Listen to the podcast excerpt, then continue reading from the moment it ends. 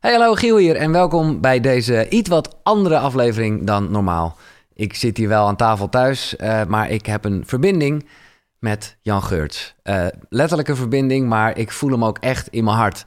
Dit is een Q&A die je hoort, een onderdeel van het grote Koekeroe webinar over verbinding, waarbij alle 30 sprekers, en dan heb ik het over Michael Pilacic, maar ook Casper van der Meulen, uh, Edwin Selei, Tijn Tauber, Marieke van Meijeren, Hanna Kuppen, Els van Stijn, uh, Dr. Juriaan, Albert Sonneveld. Uh, nou ja, een ongelooflijk mooie line-up van 30 sprekers, allemaal over dit thema. En ja, Jan Geurts, hè, bekend van zijn boek Verslaafd aan Liefde, die wilde ik hier zeker bij hebben. Het was een fascinerend gesprek, waarbij voor mij heel veel duidelijk werd, ook in de liefde waarin ik nu zit en, en hoe daarmee om te gaan. Uh, ik heb aan het einde van uh, dit gesprek nog een mooie kortingscode voor je. Op het moment dat je namelijk al die 30 lessen wil uh, terugkijken en beluisteren, voor eeuwig hè, voor de duidelijkheid, dan kan dat. Dat is normaal gesproken al eigenlijk niet normaal. Als je bedenkt dat je dus nou ja, 30 uur content voor 197 euro. Maar ik geef je 85 euro korting, dat hoor je aan het eind van het gesprek. Maar eerst zeg ik, hallo Jan. Dag Giel. Um, laten wij beginnen, want het is één groot Q&A. Dus uh, dit wordt gewoon een fijn gesprek. En ik heb al heel veel vragen met hele verhalen binnengekregen. Okay. Uh, ik wil beginnen met... Um, jij moest er een beetje om lachen toen ik je vroeg. Dus daarom vind ik dat leuk. Over verbinding. Wat is wat jou betreft verbinding? Verbinding is uh, als ik op een link klik en ineens gaat Zoom open en kan ik met jou babbelen. Ja. Dan, hebben we, dan hebben we een verbinding. En soms lukt die niet en dan heb je geen verbinding. Dat is eigenlijk met, voor mij mijn eerste associatie. Dat met... is voor jou, oké. Okay. En, en, en als het gaat over uh, verbinding met jezelf, verbinding met anderen, verbinding ja. met de natuur misschien. Hoe, hoe, ja. Uh, ja, hoe zie je dat? Ja, ik denk, uh, ik denk dat we allemaal naar verbinding zoeken. Mm -hmm. Uh, maar dat dat, voor, dat dat heel. Oh, wacht even. Dat we.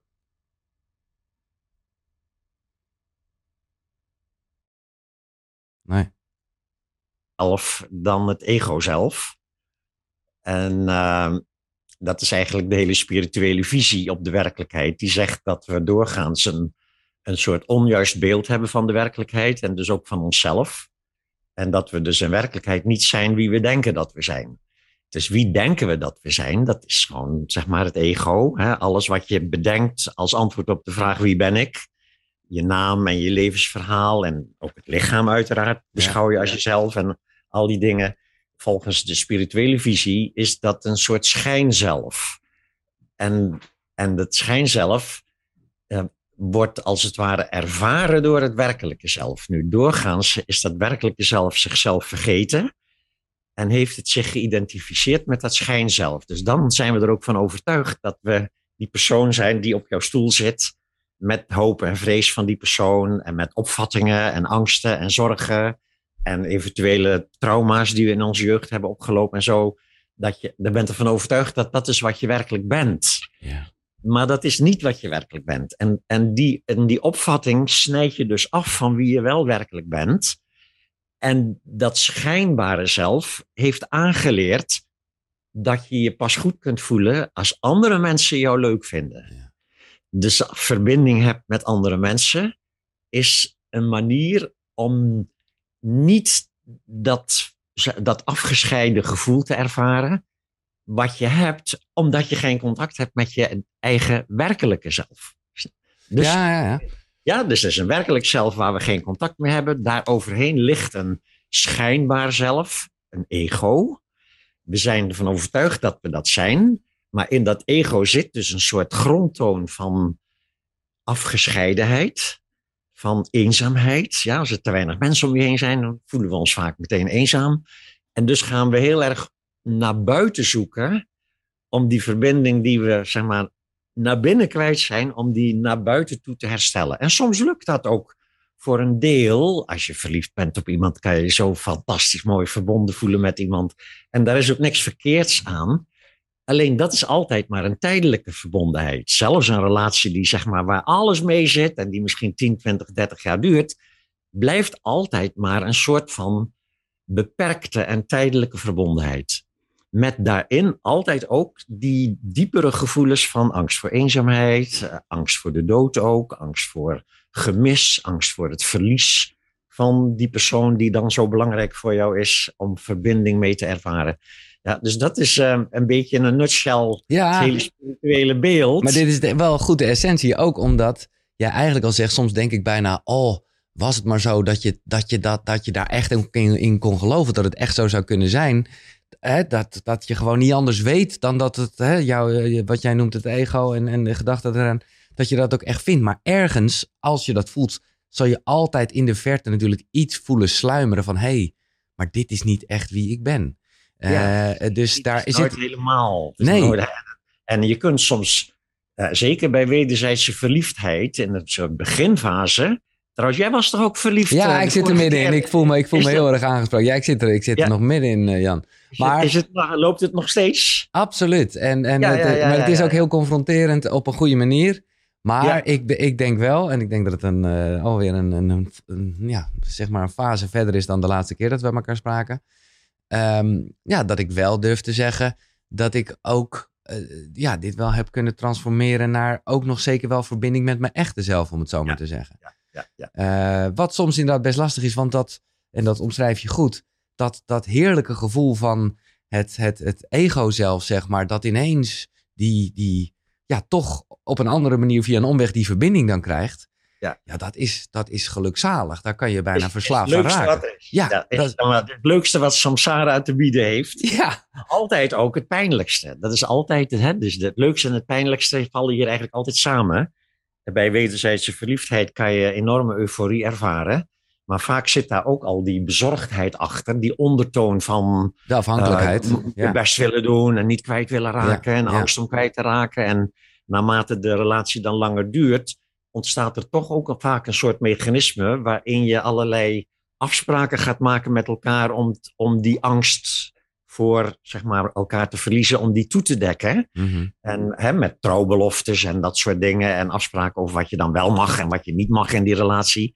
En, en daar verdwijnt de liefde dan meestal door. En dan ontstaat er in de plaats daarvan, in het gunstige geval, een soort veilige, vertrouwde, een soort van eh, symbiose. Een soort van twee ego's die het dan heel erg goed met elkaar kunnen vinden. En die een soort wij-identiteit Ja. gaan ontwikkelen. En dan, eh, ja, dat, sommige mensen vinden dat het mooiste wat er is. En dat is ook niks verkeerds aan. Maar het is wel juist een soort vermindering van het gevoel van verbinding. Met je hebt. werkelijke zelf. Ja, dat, eh, heel Ja. goed. En dat is ook, of dat nou eh, hè, de verbinding zoeken is bij anderen. Of bijvoorbeeld, nou ja, dat is een fase die jij zelf ook hebt gekend. Eigenlijk een beetje ja, het niet goed weten en het, het, het, het willen verdoven door allerlei middelen. Dat is eigenlijk alleen maar omdat je, om, ja, omdat je, omdat je niet naar binnen gaat. Omdat je niet echt, eh, ja, ja, ja. Ja, dat naar binnen gaan, dat is iets wat we eigenlijk, wat we eigenlijk ook vaak heel beangstigend vinden. We hebben in onze taal immers die uitdrukking jezelf tegenkomen. Dat is een uitdrukking die aangeeft dat je iets heel naars hebt meegemaakt. Ja, is eigenlijk een heel, eh, een, een heel, een heel illustratieve uitdrukking. Want inderdaad, voor het ego, het ego wil zichzelf niet tegenkomen, omdat het gelooft dat het ten diepste een soort angstig afgescheiden soort identiteit is. En alsmaar bezig is met daarvoor weg te lopen in de contacten met anderen. Dus dat, maar tegelijkertijd, het nadeel kan ook benut worden voor het voordeel. Dat is wel heel mooi, want ik heb ook, zeg maar, weer een soort van wederzijdse verliefdheid meegemaakt. lekker En ja. is nog steeds aan de gang ook wel. Ja, Eh, en, en ik heb ook weer natuurlijk opnieuw ervaren hoe zo'n verliefdheid jou helemaal in een soort euforie kan Ja, brengen, maar ook helemaal kan wegzuigen bij jezelf. En zelfs jij die daar toch echt helemaal Ja, ja, in beoefend ja, is ja, en eh, ja. jij, jij raakt er daar toch weer even... Kijk, beoefenen, beoefenen betekent niet dat je ego verdwijnt. Nee. betekent alleen dat je het beter ziet wat je ego doet, Mooi. zonder dat te veroordelen. Dus ik zag weer, zeg maar, mijn ego weer helemaal, zeg maar, zich hechten en Ja. bang zijn om en ze helemaal dat Classic, soort dingen. Ja. Die hoop en die vrees hè, en die obsessiviteit en zo. En ik heb er ook enorm van genoten, maar de, de persoon in kwestie, de, de vrouw in kwestie, had ook diezelfde, heeft ook diezelfde spirituele zeg maar, opvattingen. Dus we konden van meet af aan, konden we als het ware daarover communiceren. Ja. En, en al die, zeg maar, al die neigingen die het ego dan heeft om, om dat op een of andere manier te bestendigen en, en vast te leggen. Die konden we dus telkens herkennen en loslaten in een soort wederzijds soort erkennen daarvan. En dat heeft me echt enorm geholpen om die verliefdheid niet om hem om zeep te helpen, Nee. maar om hem als het ware te herkennen.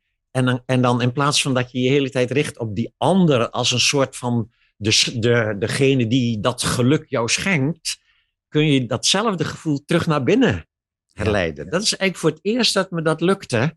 Dat je ziet van, wacht eens even, het ego wordt dus verliefd op iemand en ontspant zich dan helemaal. Maar de gevoelens die je dan hebt, dat is niet iets wat die ander jou geeft. Dat is iets wat van binnenuit komt.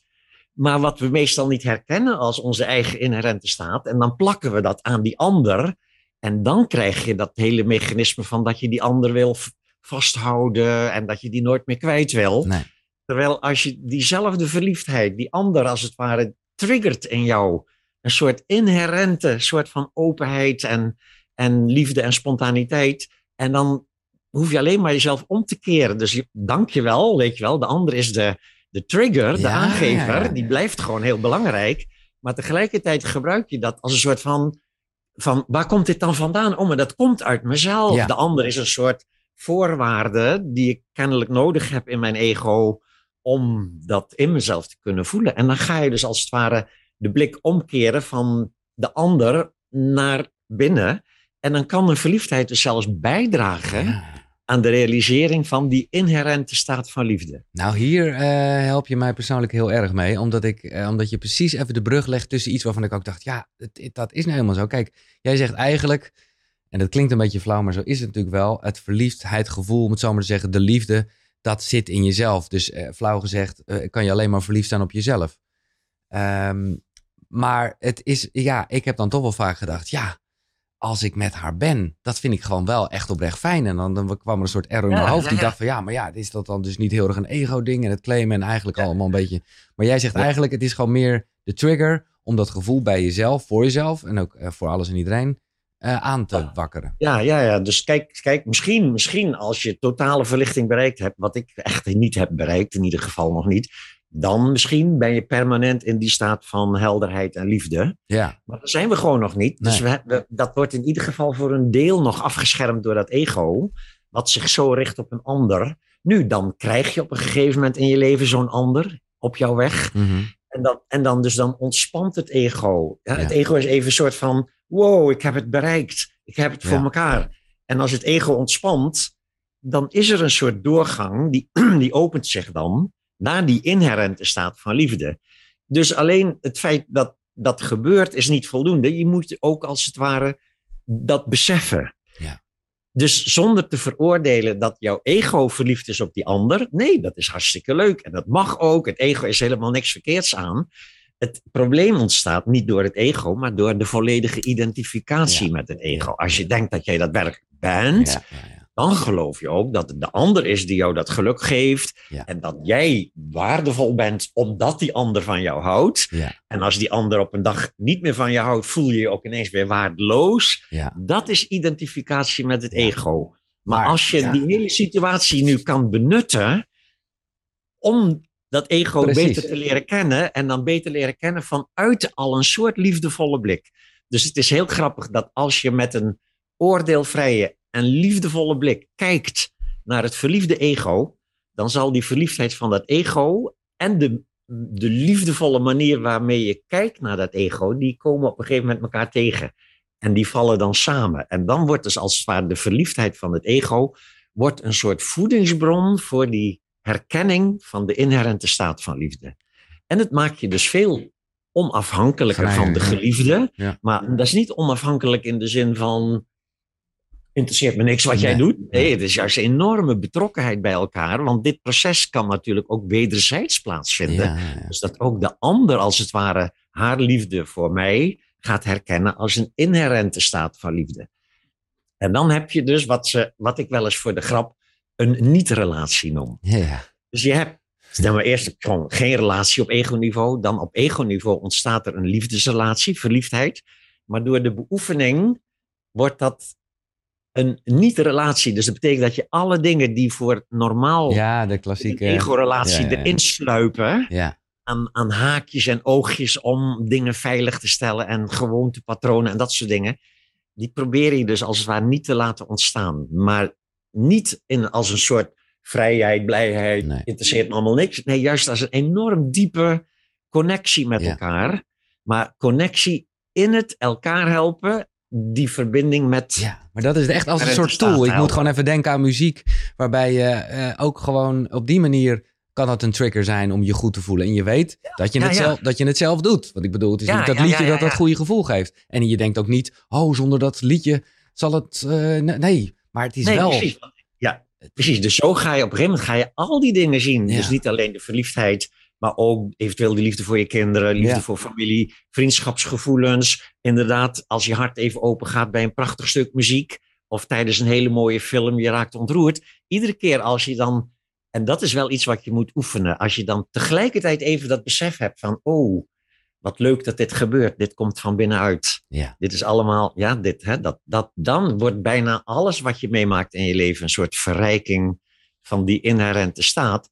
En niet alleen de leuke dingen, Nee, want dat is het mooie, exact. ook de pijnlijke dingen. Ja, ook als het ego dan even angstig is of het ego raakt even bekneld omdat er iets gebeurt en iemand zegt iets lulligs en je voelt je afgewezen. En dan ga je ook naar dat gevoel ga je kijken met diezelfde soort vriendelijke, oordeelvrije, liefdevolle manier van kijken. En dan zie je dat ook dat, dan, dat, zeg maar, dat zo'n gevoel van eenzaamheid of jaloezie of wat dan ook, eigenlijk ook liefde is, maar Ja. dan in een beknelde vorm. dan een... Ja, Knelling kan dan ineens weer, zeg maar, zich ontknellen, zich openen weer, doordat je daar naar kijkt zonder verzet, zonder veroordeling. En dan wordt ook een pijnlijk gevoel, wordt een soort voeding van die verbinding Ja. met die diepere laag van zelf. En, en dat vraag ik me dan toch even af, want jij noemt het net zo en eh, we hebben het hier wel eens eh, ook eh, vaker over gehad, maar dan hè, van, jij zegt ik ben nog niet verlicht. Ja, als wij het er zo hierover hebben, Jan, ik zou het niet eens willen. Want dat hele spel waarbij je dan toch denkt, oh, ik zet een bloemetje neer, want dan weet ik dat als zij thuis komt dat ze dat leuk vindt. En dan vind ik dan leuk dat zij het leuk vindt. En daardoor, nou ja, hè, voel ik de liefde, hè, waar we het net over hadden. Hè, de, de, de, Ja. Dat is toch ook fantastisch. Ik zou toch niet willen dat ik alleen maar in een soort gelukzalige... eh, Ja. ja. Ja, nee, dat is ook naar mijn idee ook helemaal niet wat verlichting is. nee. Een soort, soort, soort eh, gelukkig met jezelf op een bergtop zitten. Nee, exact. Je wil Nee, gewoon toch de hele... je- Dat spel is toch Een fantastisch tijdje eigenlijk? kan je dat doen als, als een soort periode van retraite. Ja. Om, om die manier van kijken als het ware wat te ontwikkelen, moet je soms even allerlei gedoe moet je even uitzetten. Eh, Maar dat doe je ook al als je een paar keer per dag gewoon even gaat mediteren. Dan zet je ook je radio en je telefoon uit en zo. Ja. Soms kun je dan ook, ik heb hele periodes, heb ik inderdaad me teruggetrokken uit de wereld en een beetje op een berg in mijn eentje zitten beoefenen. Mhm. Daar heb ik echt hele fijne herinneringen aan ook. Maar niet als een soort doel wat je Nee. moet bereiken, maar als een hulpmiddel. En uiteindelijk gaat het natuurlijk om hoe ben je in je leven, in de relatie met anderen. Hoe kun je daarin als het ware dat contact met jezelf niet alleen niet kwijtraken, maar als het ware ook gebruiken als een soort, als een soort voeding van, die, van dat contact met Ja. andere mensen. Dus Ja. dan is het niet meer dat je relaties aangaat vanuit een soort gemis. Oh, ik heb iemand nodig om gelukkig te zijn. Maar dan ben je gelukkig en dan heb je iemand nodig, zogenaamd dan, echt iemand nodig om je geluk mee te delen. Ja. En, en, en het in de wereld te brengen op een of andere manier. Ja. En dat kan zijn als muzikant en dat kan zijn als radiopresentator. Weet je, het kan zijn op alle mogelijke manieren. Dat hoeft niet per se Nee. te zijn door te praten over spiritualiteit. Dat is, alles wat schoonheid en, en Ja. zo brengt, is, is eigenlijk een vorm daarvan, een Ja. uitingsvorm. Ja, kunst is nou ja. Lekker Jan, dit is echt voor mij een essentie waar dit weekend over gaat. Echt over verbinding en hoe je dus, dat zeg jij zelf ook al, en of je dat nou zoekt in een meditatiemomentje of een wandeling of wat dan ook, dat je voor jezelf altijd wel eh, die tijd ook voor jezelf dus moet nemen. Want dat is waar het vandaan komt. En dat is toch Ja. moeilijk op het moment dat je gewoon heel erg in Ja. interactie met alles en iedereen bent. Ja, ja, nee, dat is zeg maar, het ego is zo gericht op dat contact met anderen, dat Ja. zodra er ook maar iemand tegen jou begint te praten, dan voe, weet je wel, dan Ja. vlieg je meteen in. En, en daar moet je dus inderdaad best wel veel oefenen op een bepaalde manier. Het is niet de gebruikelijke manier van mediteren waarbij je met je ogen dicht probeert je geest te kalmeren. Het is een, een, eh, een dzogchen, hè, dus wat ik het geleerd heb van Tibetaans boeddhisme, is echt een manier van zitten en gewaarzijn van alles wat je ervaart. Ja. En ook vooral zonder daar iets aan te veranderen. Dus het is juist een soort afleren van het streven om, om beter te worden, of mooier, of liever, of verlichter te worden. Ja. Maar juist heel erg een soort zitten met En een zijn. heel helder Ja. soort gevoel van: dit is wat ik ervaar. En daar niets over oordelen en niks aan veranderen. Nou, Nee. dat is al lastig genoeg. Nou, daar zeg je het misschien al, want Bas. Bas heeft de grootste vraag, maar ik denk dat die nu mooi is. Ik vind het geen Jan zegt ontzettend mooi, maar eh, ja, ook wel lastig. Eh, oh, dat is iemand die wil een boek weten. Nou, dan, eh, dat zal ik op de boekenlijst zetten. Maar dan zou ik beginnen met Verslaafd aan Liefde of Verslaafd aan Denken. Maar ja, goed, dat is maar net waar je... Maar er zijn boeken over. Deze vraag bedoelde ik niet. Ehm, oh ja, liefde zit in jezelf. Wat is volgens Jan de snelste manier, een tip, om even je ego aan de kant te zetten? Stil te zetten en dus dicht bij je liefdevolle ik te komen. Ja, dit is, dit is, dit is het leven, zou ik willen zeggen. Eh, Ja, ja, ja, de snelste manier en een tip. ja, hoe doen we dat even? Hoe, hoe zet ik die... eh, Zeggen, dus het is heel bizar, maar een tip zou zijn als je per ongeluk van een ladder afvalt. Eh, en je schrik je weesloos. En dan hoop ik even dat het goed afloopt voor je en dat je niet je benen breekt. Maar vaak als we iets heel onverwachts en met een soort schrikeffect zijn we soms heel even uit ons ego. Soms maar één seconde. Alleen als je niet beoefend hebt, dan herken je dat niet eens als een momentje dat je uit je ego bent. Want één seconde later gaat dat ego onmiddellijk weer denken van, oh shit, ik had die ladder niet goed vast of iets dergelijks. Maar dat is heel grappig. Maar je leert dus als het ware ook die momenten herkennen als momentjes waarop het denken even stilstaat.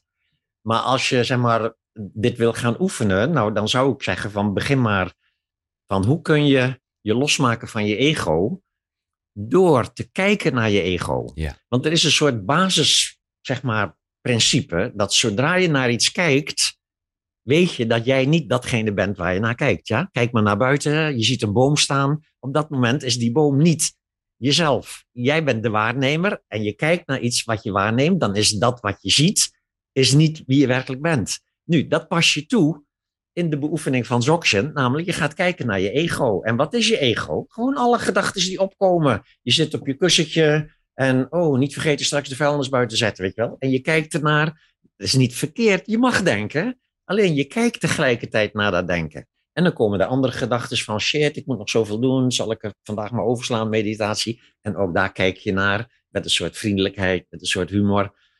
Dus dat is de oefening. En natuurlijk, als je dat e- de eerste keer doet, heb je nog niet zo heel veel besef van dat je nou iets, zeg maar, loskomt van je ego. Maar dat moet je dan elke dag, Ja. een aantal keren moet je dat blijven oefenen. Dus het is geen snelle tip. Nee, maar ik vind het leuk dat jij de, even die laddervergelijking eh, aanhaalt. En er zijn andere redenen ook om dat te doen. Maar ik merk voor mezelf, even los van, van mijn eigen meditatiemomentje, wat dan, eh, nou ja, eh, nou ja, wat dat natuurlijk ook veroorzaakt. Maar de koude douche helpt daarbij bij mij ook heel erg. Omdat Ja. dan kan je even niet denken. En dan zei Ja. van tevoren merk je, en ook die bewustwording van het ego, omdat je elke dag merkt eh, dat dat ego allerlei escapes probeert te verzinnen. Nee, vandaag is het niet nodig. Waarom zou je het eigenlijk doen? Niemand ziet het. Dus je, en, en dan, dan denk je ineens, wauw. Terwijl je, eh, ja, je wil Ja. dat gewoon wel echt. Eh, en dan Ja. ga je onder die koude douche en dan kan je even niet denken. Dus dat is, het is geen, geen shortcut, Nee, het is dat geen hack. Maar het Dat is soort een- trucjes, in Dzogchen zijn heel veel van dat soort trucjes, waarbij je even het denken uitzet. ja, Dat zijn momenten waarop je dan even contact hebt met een soort heldere staat. Ja. Alleen er zit een valkuil in, namelijk dat je gaat denken ja, dat die heldere staat een, staat is waarin je niet mag denken. Nee. Hè? Dus uiteindelijk moet je ook leren om, terwijl er gedachten opkomen, gewoon te zeggen, oh, daar heb je mijn gedachten Ja, aan, ja, aan mijn laatste relatiecrisis of dat soort dingen. Ja. En ook daarnaar kijken. Want je hebt allerlei trucjes. Bijvoorbeeld, sommige mensen kennen dat misschien wel, die methode van Wim Hof, waarbij je zeg maar een, een heleboel keren Ademhaling. Ja, ja, en dan heb je al heel veel ademen en dan, en dan hou je je adem vast en dan stop je dus met ademen. En ook dan kan je soms een minuut lang wel bijna geen gedachten hebben, Nee. omdat je even niet ademt. Maar dat is een trucje. Ja, want je bent niet echt dan wie je bent. Er, ja, nee, het is Nee, dus, dat zijn, dus er zijn trucjes en binnen Dzogchen heb je die trucjes als een soort hulpmiddel om dat gewaarzijn helderder zichzelf te laten herkennen. Maar het blijven trucjes en, en je doet ze een paar keer als hulpmiddel en daarna gooi je ze ook weer weg. Ja. En, en dat leren kijken naar je ego. Ik bedoel, sommige mensen hebben dat effect ook als ze een ayahuasca-trip Mhm. doen. precies. Of andere, zeg maar, psychedelische middelen. Kun je ook soms even een heel helder beeld krijgen van je eigen ego, van aspecten van je ego. Ook daar zit dan weer die valkuil in. Dat mensen gaan denken van, oh, dat moet ik dus zien te bereiken. Ja. Dat ik dat altijd voel. Laat ik dat er wel elke dag gaan doen. Van zijn. Ja, precies. Nee, daarna moet je gewoon weer Ja. in je gewone leven, als het ware, die vriendelijke helderheid ontwikkelen. Ja. Ik leg het nog even uit voor mensen die eh, dat Joxen horen en dat niet helemaal kennen. Eh, en, en vul me aan als ik het fout zeg, Jan. Ehm, kijk, als je eh, denkt aan meditatie, dan denk je misschien heel erg aan een soort mindfulness meditatie, zoals we die veel horen, wat heel erg rust in het hoofd kan brengen. Eh, ik zou bijna zeggen, Joxen is het omgekeerde, want het is totale onrust in eerste instantie. Tenminste, zo ervaar ik het Ja, zelf ja, omdat je daar dan ook echt, ehm, nou ja, het is bijvoorbeeld ook met je ogen open zitten. En echt, nou ja, we kennen allemaal wel de, de, de vergelijking met, met eh, de wolkjes, of hoe zeg je dat, de blauwe lucht en de wolkjes te laten zijn. En, en, en dat is gewoon heel erg wat je, nou ja, zoals je dat net schetst, ook daar opzoekt. Gewoon heel erg gewaar worden van je gedachten, van je ego. eh, Ja.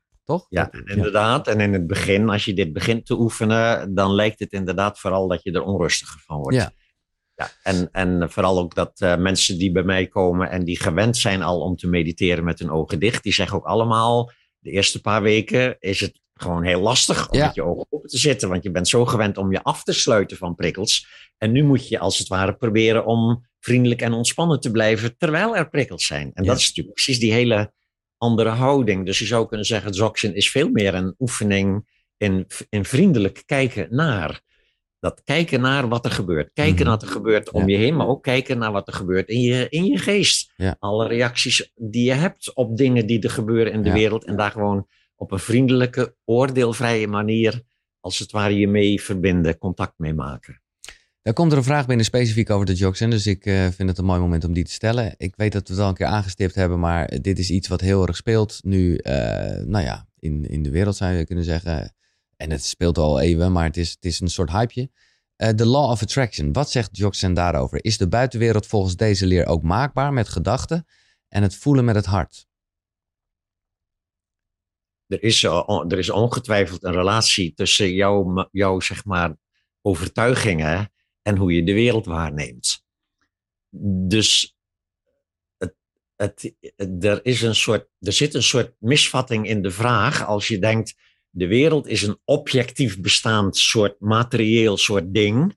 En als ik dan maar heel erg leuke dingetjes ga denken, dan gaan die materiële dingen gaan veranderen dat is iets waar Dzogchen niet zo mee bezig is. Want Dzogchen gaat er al van uit dat er is geen materiële wereld los van jouw perceptie ervan.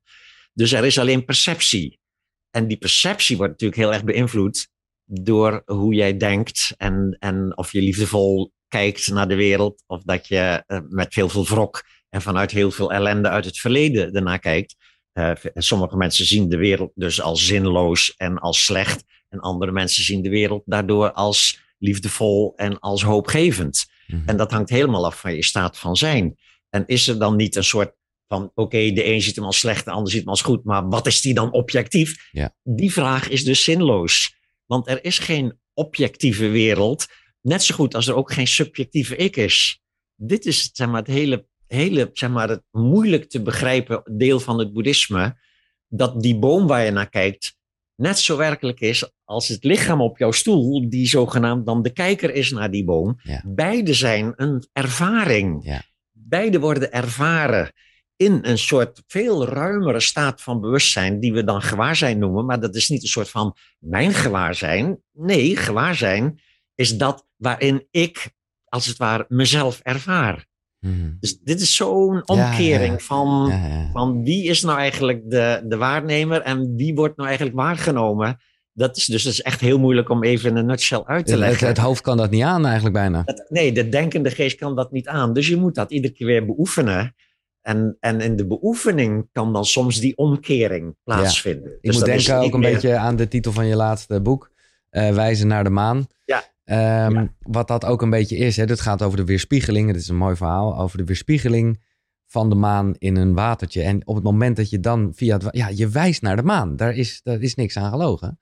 Ja. Alleen het is niet de maan. Het is de weerspiegeling Het is van de maan. ja. Ja. Dus die, die, die, dat beeld, dat zegt eigenlijk van het bewustzijn wat wij nu beschouwen als mijn individuele bewustzijn, is een afspiegeling, een soort Ja. kleine afspiegeling van het bewustzijn. Wat als het ware datgene is waarin jij en ik en alle mensen, alle dieren, alle planten, alle dingen, als het ware verschijnen als, als, als, zeg maar, als fenomenen, als verschijnselen. Ja, ja. mm, Afijn, ik kan hier over praten, maar dan denk ik dat we helemaal losgaan in hele ingewikkelde... Nou, dat is het wat ik dingen. zeggen. En daar heb ik op zich nu Ja. wel een soort rust in gevonden. Ook met het hele non-dualisme zo. Dat ik op een gegeven moment eigenlijk een soort rust vond in... Oh, fijn.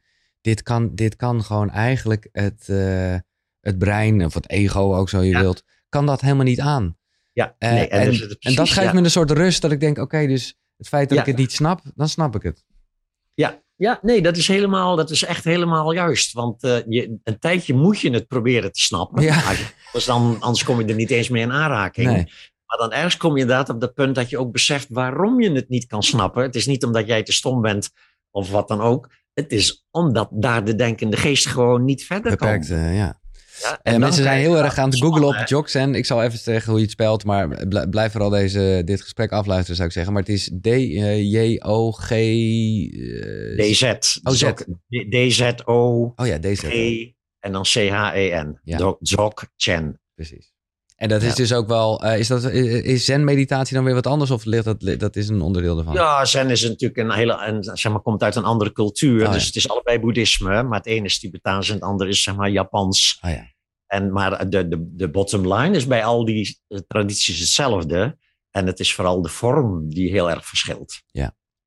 Eh, veel vragen ook over waar we het eerder, eerder over hadden met het ego en dingen natuurlijk. Ehm, en de vraag is, Jan, wat is jouw visie op het nut van het ego? Is dat eh, een waarschuwer voor gevaar?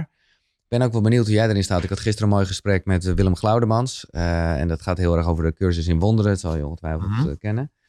Ehm, en daar is het bijna, ja, ja ik, nou ja, laat ik de vraag gewoon stellen zoals hier staat. Wat is het nut van het ego?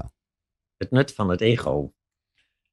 Sowieso, als je kijkt naar al die levende wezens die geen ego ontwikkelen, eh, dat zijn dieren. Ja, Dus je zou sowieso kunnen zeggen, het ego is een stadium in de evolutie, een soort voortschrijdend stadium in de evolutie.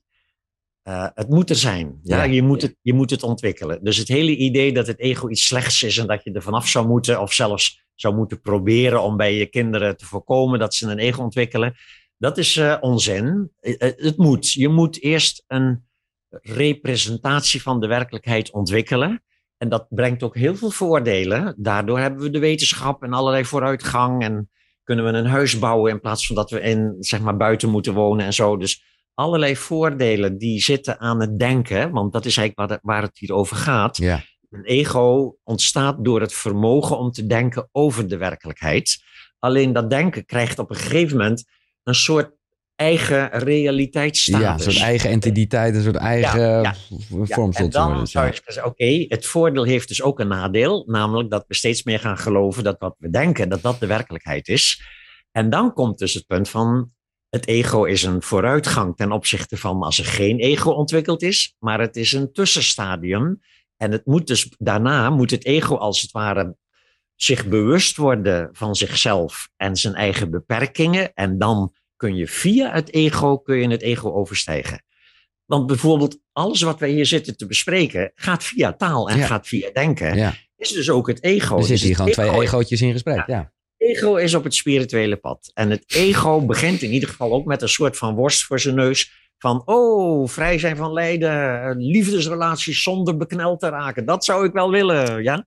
En dan ga je dus beoefenen. En dan het mooie is dus dat die beoefeningen op een gegeven moment een soort self-defeating. Dus dat als het ware je, je doet dat nog vanuit je ego. En op een gegeven moment wordt als het ware ineens een soort van, ja maar wacht even, wie zit hier eigenlijk te beoefenen? Ja. En, en wie ervaart dan deze beoefening? En dan wordt ineens, krijg je af en toe die omkeringen. Dan is het niet meer het ego wat naar zichzelf kijkt, maar dan is het als het ware het gewaarzijn wat naar het ego kijkt. En dan eh, komen die korte momenten van dat je even vrij bent van je ego. En dat breidt zich dan heel ge- geleidelijk breidt zich dat uit. Dus geen kwaad woord over het ego. Nee, en ik vind het ook wel leuk, eigenlijk omschrijf je hier ook wel wat het nut eh, in ieder geval zou kunnen zijn, is een soort drive. Zoals je het nu schetst, ik ken dit heel erg. Ik weet dat we in dit eerste gesprek eh, ook heel erg over gehad hebben, omdat ik eh, daar een beetje klem mee kwam. Omdat ik dacht, ja, nu is alles wat ik bezig ben met zelfontwikkeling en spiritualiteit, dat, dat, daar voel ik me heel goed door. is eigenlijk een puur soort ego-ding. Ergens denk ik dan. Maar jij zegt eigenlijk dat heeft wel een drive gegeven. Maar als je het goed doet, dan wordt het ego daardoor wel opgegeten. Ja, ja, ja. dat is altijd. Elk nadeel heeft zijn voordeel hier. Elk voordeel ook zijn nadeel, uiteraard. Ja. Dat is het punt. Dus de, het, uiteindelijk gaat het dus gewoon. Je kan ook heel erg je drive gebruiken om heel veel geld te willen verdienen. En maar daar helemaal in. En ook dat is overigens vanuit de Zoction-visie is niet verkeerd. Mm. Want dat levert gewoon op termijn toch weer de shit op. Waar je dan weer wakker van wordt. Ja. Dus dat is uiteindelijk het punt. Het ego creëert zijn eigen ellende. En die ellende maakt dan dat het ego op een gegeven moment beseft van, wacht eens even, dit werkt voor mij niet. Ja, ik bedoel, net zo begin je toch ook, op een bepaalde leeftijd begin je toch ook met middelen te gebruiken. Enfin, niet iedereen, maar in ieder geval ik wel. Uh, blowen en, en, en speed en alles proberen. En op een gegeven moment denk je dat je het gewoon helemaal aan kan en dat swingt allemaal. En natuurlijk, en dan een tijdje loop je daarin vast. Dan kom je gewoon erachter van shit, ik zit in een verslaving. En wat lullig, wat vervelend. En uiteindelijk bevrijd je je daar dan van. En kan je dan zeggen achteraf dat die tijd verspild was of zo op het spirituele pad? Nee, dat was een onderdeel van je spirituele pad. Dus ik zal natuurlijk nooit zeggen aan mensen van je moet verslaafd raken om spiritueel te groeien. Nee, als je, als je het op zonder kan, gun ik je dat van harte. Maar kom je in een verslaving, dan kun je dat benutten voor spirituele groei. En meestal pas nadat je dan het hele systeem van verslaving hebt doorzien en het hebt overstegen en het los hebt gelaten. En dan zie je van, wow, ik heb hier wat aan gehad. Ja. En dat is bijna bij alles. Ook je hebt een tijd lang heb je allerlei verkeerde relaties bij je begonnen. Je valt op, zeg maar, een beetje de foute types. En dan ben je een tijd lang ben je even heel blij. En dan na een paar maanden of een jaar merkt dat je weer op zo'n emotiopaat gevallen bent. Iemand die niet durft te praten over zijn gevoelens. En dan gaat het weer mis. En dan op een gegeven moment ga je denken, waarom val ik op dit soort types? En waarom val ik niet op die hele lieve, aardige, zachtaardige, geïnteresseerde personen waar ik veel meer contact mee zou kunnen hebben? En dat ga je dan onderzoeken. En dus eigenlijk ook het, ook het nadeel brengt altijd weer voordeel. Ja. Dat is dus eigenlijk waarom uiteindelijk het niet mis kan gaan. Nee. Het kan alleen tijdelijk misgaan. En het misgaan, dreigt, drijft, het misgaan draagt dan bij aan dat je op een of andere manier meer bewustzijn krijgt. Ja, maar ik vind, dit, ik vind het heel mooi dat je het zegt, omdat het wel een soort rust kan geven op het moment dat je, nou ja, slechte fases hebt gehad of af en toe eh, nog zoiets doet. Of ja, wat is slecht ook. Jij zegt eigenlijk, het is altijd groei, het is altijd ontwikkeling. Uh, maar je, kan, je zou er ook heel erg van, dat maakt allemaal toch niet uit, uh, van kunnen worden. Ja, ja, dus dat is altijd weer, spirituele instructie kan door het ego weer geannexeerd worden. Ja.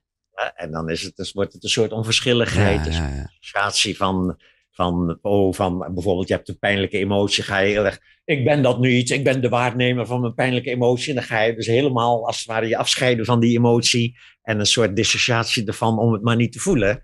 Ja, en zo heb je ook, ook mensen die, die in een relatie bijvoorbeeld heel erg spiritueel jargon gebruiken, maar in feite om gewoon geen enkele verantwoordelijkheid te nemen voor. oh, dat, kreeg van laatst vroeg zei iemand dat van, ik heb met mijn met mijn vriend hebben we een spirituele relatie. Nu heb ik het toch af en toe wel moeilijk met dingen die hij doet. En dan zeg ik dat tegen hem en dan zegt hij, ja, jouw probleem. En vanuit de spirituele visie, en hij heeft natuurlijk, dan theoretisch heeft hij gelijk. Het is natuurlijk, elk pijnlijk gevoel is je eigen probleem.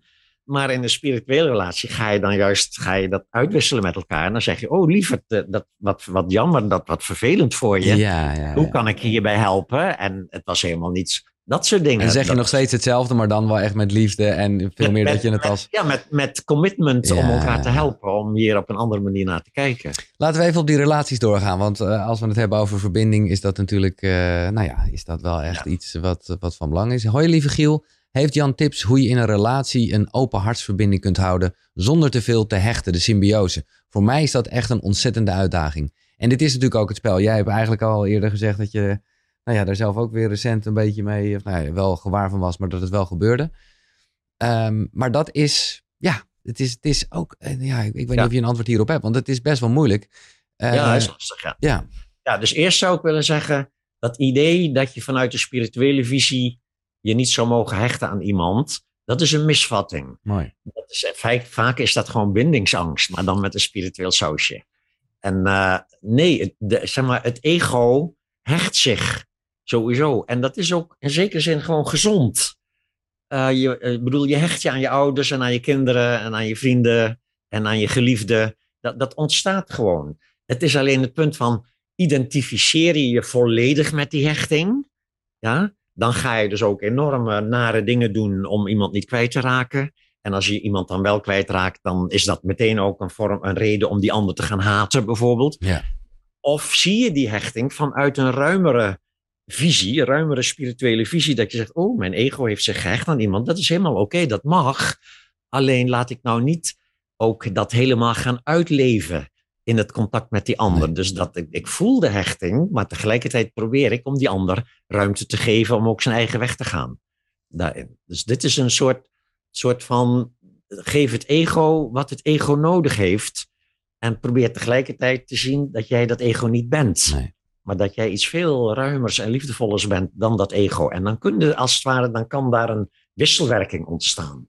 Die, die vruchtbaar is. Ja. En dus eigenlijk, maar ja, dan zit ik toch een beetje dualistisch te praten, maar dat, je, dat de symbiose dus met jezelf is. Ja, alleen ja, dat zou je dan niet meer zo noemen, Nee. denk ik. Nee, dat is een soort cirkeltje. Ja, nee, oké. Ja. Nou ja, Ja, dus, dan, dan, dus je, je, hoe meer je contact je krijgt met jezelf en dus eigenlijk met dat wat Ja. liefdevol kan waarnemen, dat is eigenlijk je werkelijke zelf. Hoe meer je daarmee in contact komt, hoe meer datgene wat je waarneemt, dat is dus het ego, een soort, een natuurlijk soort ontwikkeling doormaakt. Dus het ego hecht zich wel, maar zonder de lullige kanten van die hechting. Ja, ja, ja. Want daarvan zie je dan al meteen al van, ja, waarom zou ik dat doen? Want dat levert alleen maar shit op voor Ja. mezelf en de ander. Maar er zijn natuurlijk, en dat leg je heel duidelijk uit in je boeken, hè, eh, ja, eh, eigenlijk eh, automatisch, ja, of je het nou trauma noemt of eh, nou, ego, whatever. Er, er, er- er komen er door dingen die je meemaakt, nee, ja, ga je bepaalde overlevingstechnieken toepassen. Ja. En Ja. hier, eh, de, de, de spreker hiervoor, Hanna Kuppen, die had het heel erg over de moederwond. was een mooie talk. En hier zegt iemand, die maakt even een brugje naar wat jij zegt. Ja, je hebt de liefde van je moeder als eerste ervaren. En dat werkt dan toch door dat je die verbinding, die liefde nodig hebt, of nodig denkt te hebben, eh, om je goed te voelen. Ja, de- inderdaad, ja. Maar je, eh, nogmaals, het ego heeft dat nodig. Ja, exact. ego heeft dat nodig om zich zeg maar, goed te voelen, om, zich te, ze te- zeg maar, om, om ergens bij te horen ook. Dat is waarom mensen eh, sociale wezens zijn. Ja, je hebt ook diersoorten die het gewoon in hun eentje of met z'n tweeën en verder geen groepsgebeuren. Maar mensen is toevallig een dier met, zeg maar, met een sociale genetische aanleg. En dat is helemaal oké. Dat moet je niet gaan bestrijden. Nee, Eh, je moet alleen zorgen dat je steeds duidelijker krijgt, dat is het ego, dat is de rol die ik speel in de wereld. En wie je werkelijk bent, is dat heldere, liefdevolle, open, ruime soort van bewustzijn, wat kan kijken naar dat ego en wat als het ware steeds beter wordt in het benutten van dat ego in het zeg maar, spel van de wereld. In het delen van je overvloed met anderen, in het leren van, eh, zeg maar, van de liefde van anderen. Dus dat gaat gewoon steeds beter daardoor. Ja. Dus, dus die, al die vragen komen eigenlijk toch weer voort uit dat idee. ja, Zodra mensen bewust worden van hun ego, ontstaat er altijd een soort van, eh, soort van wrijving van, oh, maar dat is het ego. En ik krijg zo vaak mailtjes ook van, ik maak dit en dat en dat mee. Is dat nou het ego of ben ik goed bezig? Zeg ik allebei, het is het ego en je bent goed bezig. ja, ja, ja. Ja, dus altijd, en dat is ook een beetje de schuld van sommige traditionele spirituele stromingen, die inderdaad het ego een beetje wegzetten als de oorzaak van alle ellende ja. en dat je daarvan af zou moeten. En de term egoloos suggereert ook ten onrechte dat je een staat zou kunnen bereiken waarin er geen ego meer is. Terwijl die dingen eigenlijk bedoeld zijn om aan te geven, nee, egoloos, dat is dat wat kan kijken naar het ego. Ja. Dat is zelf geen ego. Nee. Is veel ruimer, is geen entiteit, is geen ding, is geen, heeft geen afmetingen ook, is onmetelijk. En dat kijkt naar het ego. Ja, en, en, en, en dat kijkt ernaar met liefde. En, en dus het ego zelf is niet verkeerd, maar de narigheid ontstaat doordat je denkt dat jij dat werkelijk bent. Doordat je niet ziet dat het een, een spel is wat je speelt in de wereld. Een, een, een hulpmiddel om, zeg maar, om jouw staat van liefde in de wereld te brengen. En dan ontstaat natuurlijk de identificatie met het ego. En dan is het bij een soort een soort gat wat gevuld moet worden. Altijd maar weer opnieuw met liefde en erkenning en geld en succes van buitenaf. Ja. Ja. Ja, ik denk dat je hier eigenlijk al heel veel antwoorden mee hebt gegeven van vragen die binnenkomen. Ik zal Anne toch eventjes benoemen. Een heel specifiek geval, maar ze heeft zo'n lange mail gestuurd. Uh, als geadopteerd op een leeftijd van zes maanden en daarna emotioneel verwaarloosd door mijn adoptiemoeder en vader, heb ik nooit geleerd om te voelen wie mijn ware zelf is. En daarmee geen actieve herinnering aan hoe het voelt om geaccepteerd te worden zoals ik ben. Het enige wat ik weet is dat ik altijd mijn best heb gedaan om liefde te krijgen.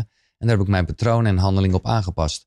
De vraag is, hoe kan je terug naar zelfliefde en je ware zelf gaan als je niet weet wat dat precies is en geen herinneringen hebt aan hoe dat voelt?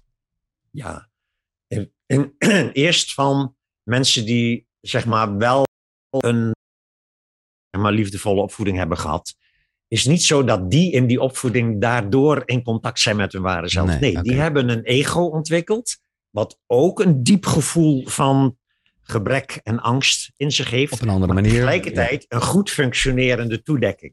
Dat zijn kinderen die hebben genoeg erkenning gekregen, genoeg veiligheid ervaren in hun jeugd.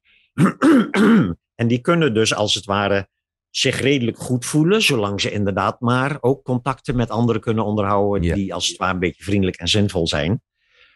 Nu, uh, kinderen die in hun vroege jeugd inderdaad geen of weinig liefde hebben gehad en verwaarloosd zijn of soms zelfs misbruikt, die hebben dus als het ware een direct contact met dat hele angstige en waardeloze deel van zichzelf en onvoldoende geleerd hoe je dat kunt toedekken met liefde en erkenning van buitenaf.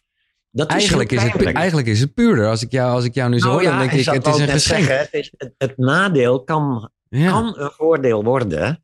Maar tegelijkertijd, heb ik al eerder gezegd, en je moet ook een gezond ego ontwikkelen. Je kan het niet overslaan. Dus zij heeft, zou kunnen zeggen, heeft een wat onontwikkeld ego meegekregen van haar ouders.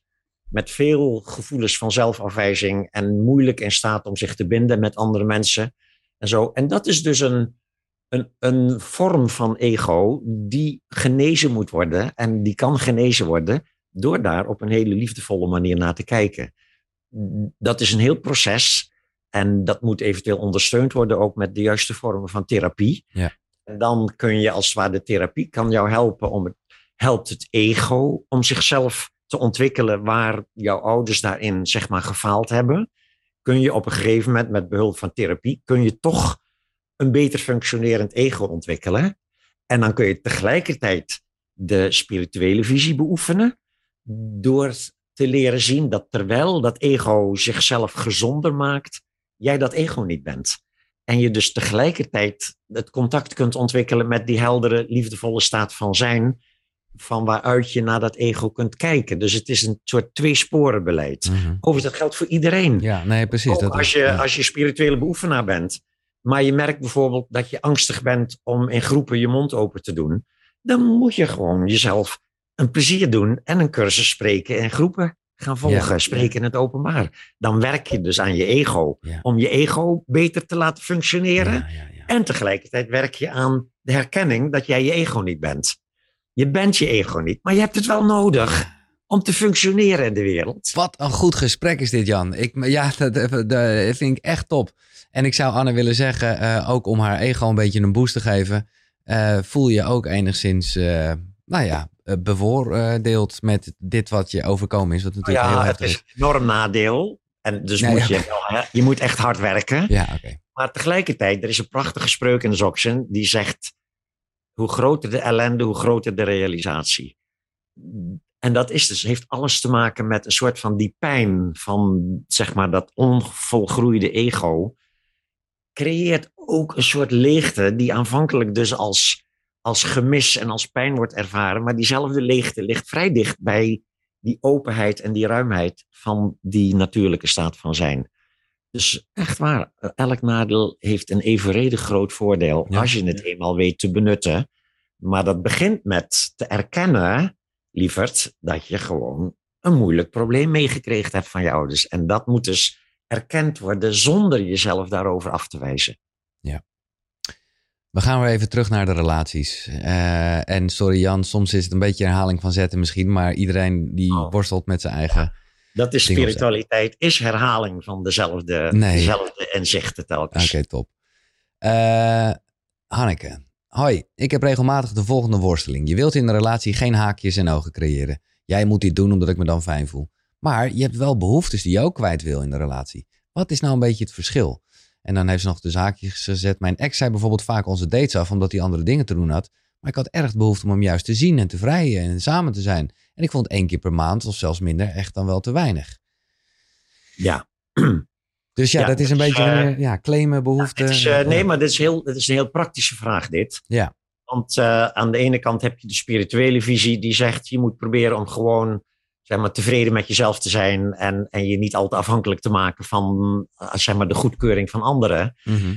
En, en, maar er is ook zoiets van... je wil gewoon met iemand een leuke manier van omgaan hebben. Ja. En dat kan niet als je bij voorbaat al, al je behoeften als het ware ehm, om zeep helpt. Want dat is dan eigenlijk wat je doet. Oh, ik mag dit niet. Ik mag dit niet nodig hebben of iets dergelijks. Nee, dat mag wel.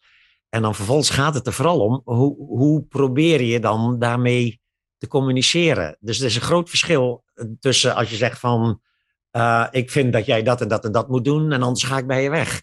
Dat is manipuleren. of eh, ik, kan niet, ik kan niet leven zonder jou. Dat is ook manipuleren. Maar je kan wel tegen iemand zeggen van, ik mis in onze relatie. Ja, ik heb mijn, mijn behoefte aan samen zijn, mijn behoefte aan verbinding, wordt onvoldoende vervuld in onze relatie. Eh, op die en die momenten, waarop jij bijvoorbeeld de hele avond achter je computer gaat zitten, vo- heb, krijg ik vaak dat gevoel van waarom zijn we eigenlijk samen? Want op dat moment ervaar ik dat helemaal niet. En dan, en dan zeg je dus niet, jij moet veranderen, maar je snijdt het onderwerp aan van dit is iets wat ik mis in onze relatie. Hoe is dat voor jou? En vooral als je het dus niet brengt als een soort verwijt van eh, jij doet hier iets waar ik last van heb en dat moet veranderen. Maar je snijdt het op deze manier aan, dan hoeft de ander zich toch ook niet afgewezen te voelen. En de ander kan dan zeggen, ja, oh ja, oh wat vervelend voor je. Eh, maar voor mij is het eigenlijk zo dat ik, ik ga achter die computer zitten, want jij zit dan achter de tv. En dan heb ik eigenlijk helemaal geen zin om tv te kijken. Dan ga ik liever gewoon wat, wat voor mezelf doen, dan met jou op de bank tv te kijken. En dan zegt de ander, oh, maar ik hoef niet per se tv te kijken als jij bij mij bent. Kunnen we ook iets anders doen? Ik weet nog wel wat leuke dingen om samen te doen. En snap je, zo'n gesprek ja, kan ineens een Ja. opening bieden. En, Ja. en het kan ook zijn dat de ander zegt, ja, maar ik vind het echt heel belangrijk om tijd alleen door te brengen Ja. met mijn eigen werk of mijn. En dan kan, zullen we dan een soort compromis doen. Dat we gewoon zeggen: oké, pakweg drie avonden per week zit ik gewoon s'avonds mijn eigen ding te doen. En, en, en een paar avonden per week doen we gewoon samen iets. En dan moeten we overleggen wat dat samen dan is. Want het is niet zo van: ik doe nou jou je zin, maar dan moet jij ook mij mijn zin Nee, doen. nee. Dat is weer zeg maar die, die, die manier die, die dat gaat niet werken. Nee, nee, het gaat dus ook wel heel erg om toch uiteindelijk, eh, nou ja, gewoon je eigen gevoel. En dat kan je dan wel delen. Ja. Ehm, En in dit geval zou het heel nuttig zijn als je daarin geïnteresseerd bent om eens geweldloze communicatie te bestuderen. Van Marshall Rosenberg. oh, dat is een boek. Ik denk dat Ja, oké. Ja, het boek Geweldloze Communicatie. Hij vertelt, hij, hij is eigenlijk niet zo heel erg spiritueel, behalve dan in zijn communicatie. En hij heeft het over van behoeften. En behoeften die onvervuld zijn voor jouw gevoel. En hoe je dan moet communiceren om een soort samenwerking te creëren met iemand anders. Zodat een ander het leuk gaat vinden om jouw behoeften te vervullen. Ja, ja, ja. ja. In plaats van de gebruikelijke manier van een soort manipuleren. Van ik heb iets nodig van jou en hoe krijg ik het voor elkaar? ja, ja, Dus dat is gewoon interessant, die manier van communiceren. Waarbij je dus toch ook weer heel erg bij jezelf houdt. Dus niet van, jij zit alsmaar achter die computer, Nee. ik heb helemaal niks aan je. Maar ik heb hier een gevoel van, er ontbreekt iets in onze relatie. En jij doet nog, ik zit even te kijken op je site, maar jij hebt toch zelf ook nog in de zomer echt iets specifiek over liefde en relaties, wat misschien best wel... Ja, ja, ja. nee, ja, ja mag ik, e- als ik even de reclame mag Ja. maken. Ik geef, ik geef twee weekendcursussen. De ene gaat over Joction, waar we het dus hier de hele tijd over hebben. En de andere gaat over liefde en relaties vanuit de spirituele visie. Dat zijn drie dagen, vrijdag, zaterdag en zondag. En ehm, ik geef een jaarcursus, dat is al, maar die geef ik alleen online. Dat Ja. is één keer in de week op dinsdagavond. En dan geef ik deze zomer geef ik twee zomercursussen in Frankrijk, in de Morvan. Ik zit even te kijken naar het plaatje. eh, kasteel, Ja, jongen. Château Valognes. Dat is een Ja. oud kasteel. Wij zitten daar op de binnenplaats onder een mooi afdakje. Zitten we daar dan, eh, s ochtends en s avonds geef ik daar les. Eh, s smiddags ben je vrij af, kan je gaan wandelen, kan je mediteren of je gaat toeristen dingen doen in de omgeving. En eh, je kan op het kasteel logeren of op een camping daar vlak nog een hele mooie camping. Vind het echt hartstikke leuk. Voor mij is dat iedere zomer ook weer een soort feest. Ja, laat maar even de computer zien, eh, want dit is echt eh, top. Eh, Dan zie je ook gelijk namelijk de URL Jan Geurts met een Z is dat .nl. Dat is het kasteel waar we het over hadden. En de zomercursus, nou ja, meer info. Ja, dus daar. op die website vind je alle informatie over de cursussen die ik geef en de, en de, en de um, online cursussen. Ik heb ook een online cursus over liefde en relatie. Ik heb nog een online cursus ook over opvoeden eh, en hoe je je daarmee op kunt houden als ouders. En eh, dat soort dingen. Dus Ja. er is, een, is een, een hoop te doen. Jan, het uur zit er alweer op. Ik, eh, ik, nou, ik vond het een Ja. waanzinnig gesprek. en dat zeg ik niet omdat ik nou zo goed was, maar omdat, omdat, we, omdat dingen heel erg, voor mij in ieder geval, samenvielen als het gaat om, nou ja, waar jij zelf dan toch ook nog even mee worstelde. Vond ik ook fijn om te horen, zeg ik eerlijk. Eh, ja, nee, dit is, eh, ja, en ik vind het altijd ook leuk om met jou te babbelen, want het gaat altijd heel ontspannen en je bent altijd heel enthousiast. Dus ja, dankjewel. nee, ik ben hier zeker enthousiast van geworden. Ik, Ja. eh, absoluut. Ja. Eh, dus dankjewel eh voor, Ja. je, voor je tijd. En tot, tot een volgende Tot de keer. volgende dan maar keer. weer, ja. Met heel veel liefde. Thanks. Dankjewel. doei doei. Wat een baas toch, die Jan Geurts. Ik eh, ben benieuwd eh, wat jij ervan vond als je dit kijkt op eh, YouTube. Abonneer dan trouwens eventjes en laat zeker een reactie onder. En anders kan je me gewoon een mailtje sturen naar giel.koekeroe.nl. En ik had nog een kortingscode beloofd. De kortingscode is eigenlijk vrij eenvoudig, namelijk podcast. P-O-D-C-A-S-T. Als je dat bij het afrekenen invult, krijg je 85 euro korting. Kan je zelf nog kiezen welk pakket je wil. Maar de basis is vooral dat je alle 30 sprekers, nou, waaronder dus eh, Jan, maar die heb je dan nu al eh, gezien en gehoord, eh, ja, voor eeuwig kan terugkijken. Dus kortingscode is podcast en de website is koekeroe.nl, dus qqru.nl slash verbinding. Dit was uh, Koekeroe van vandaag. Tot de volgende. Zonnegroet. Hoi.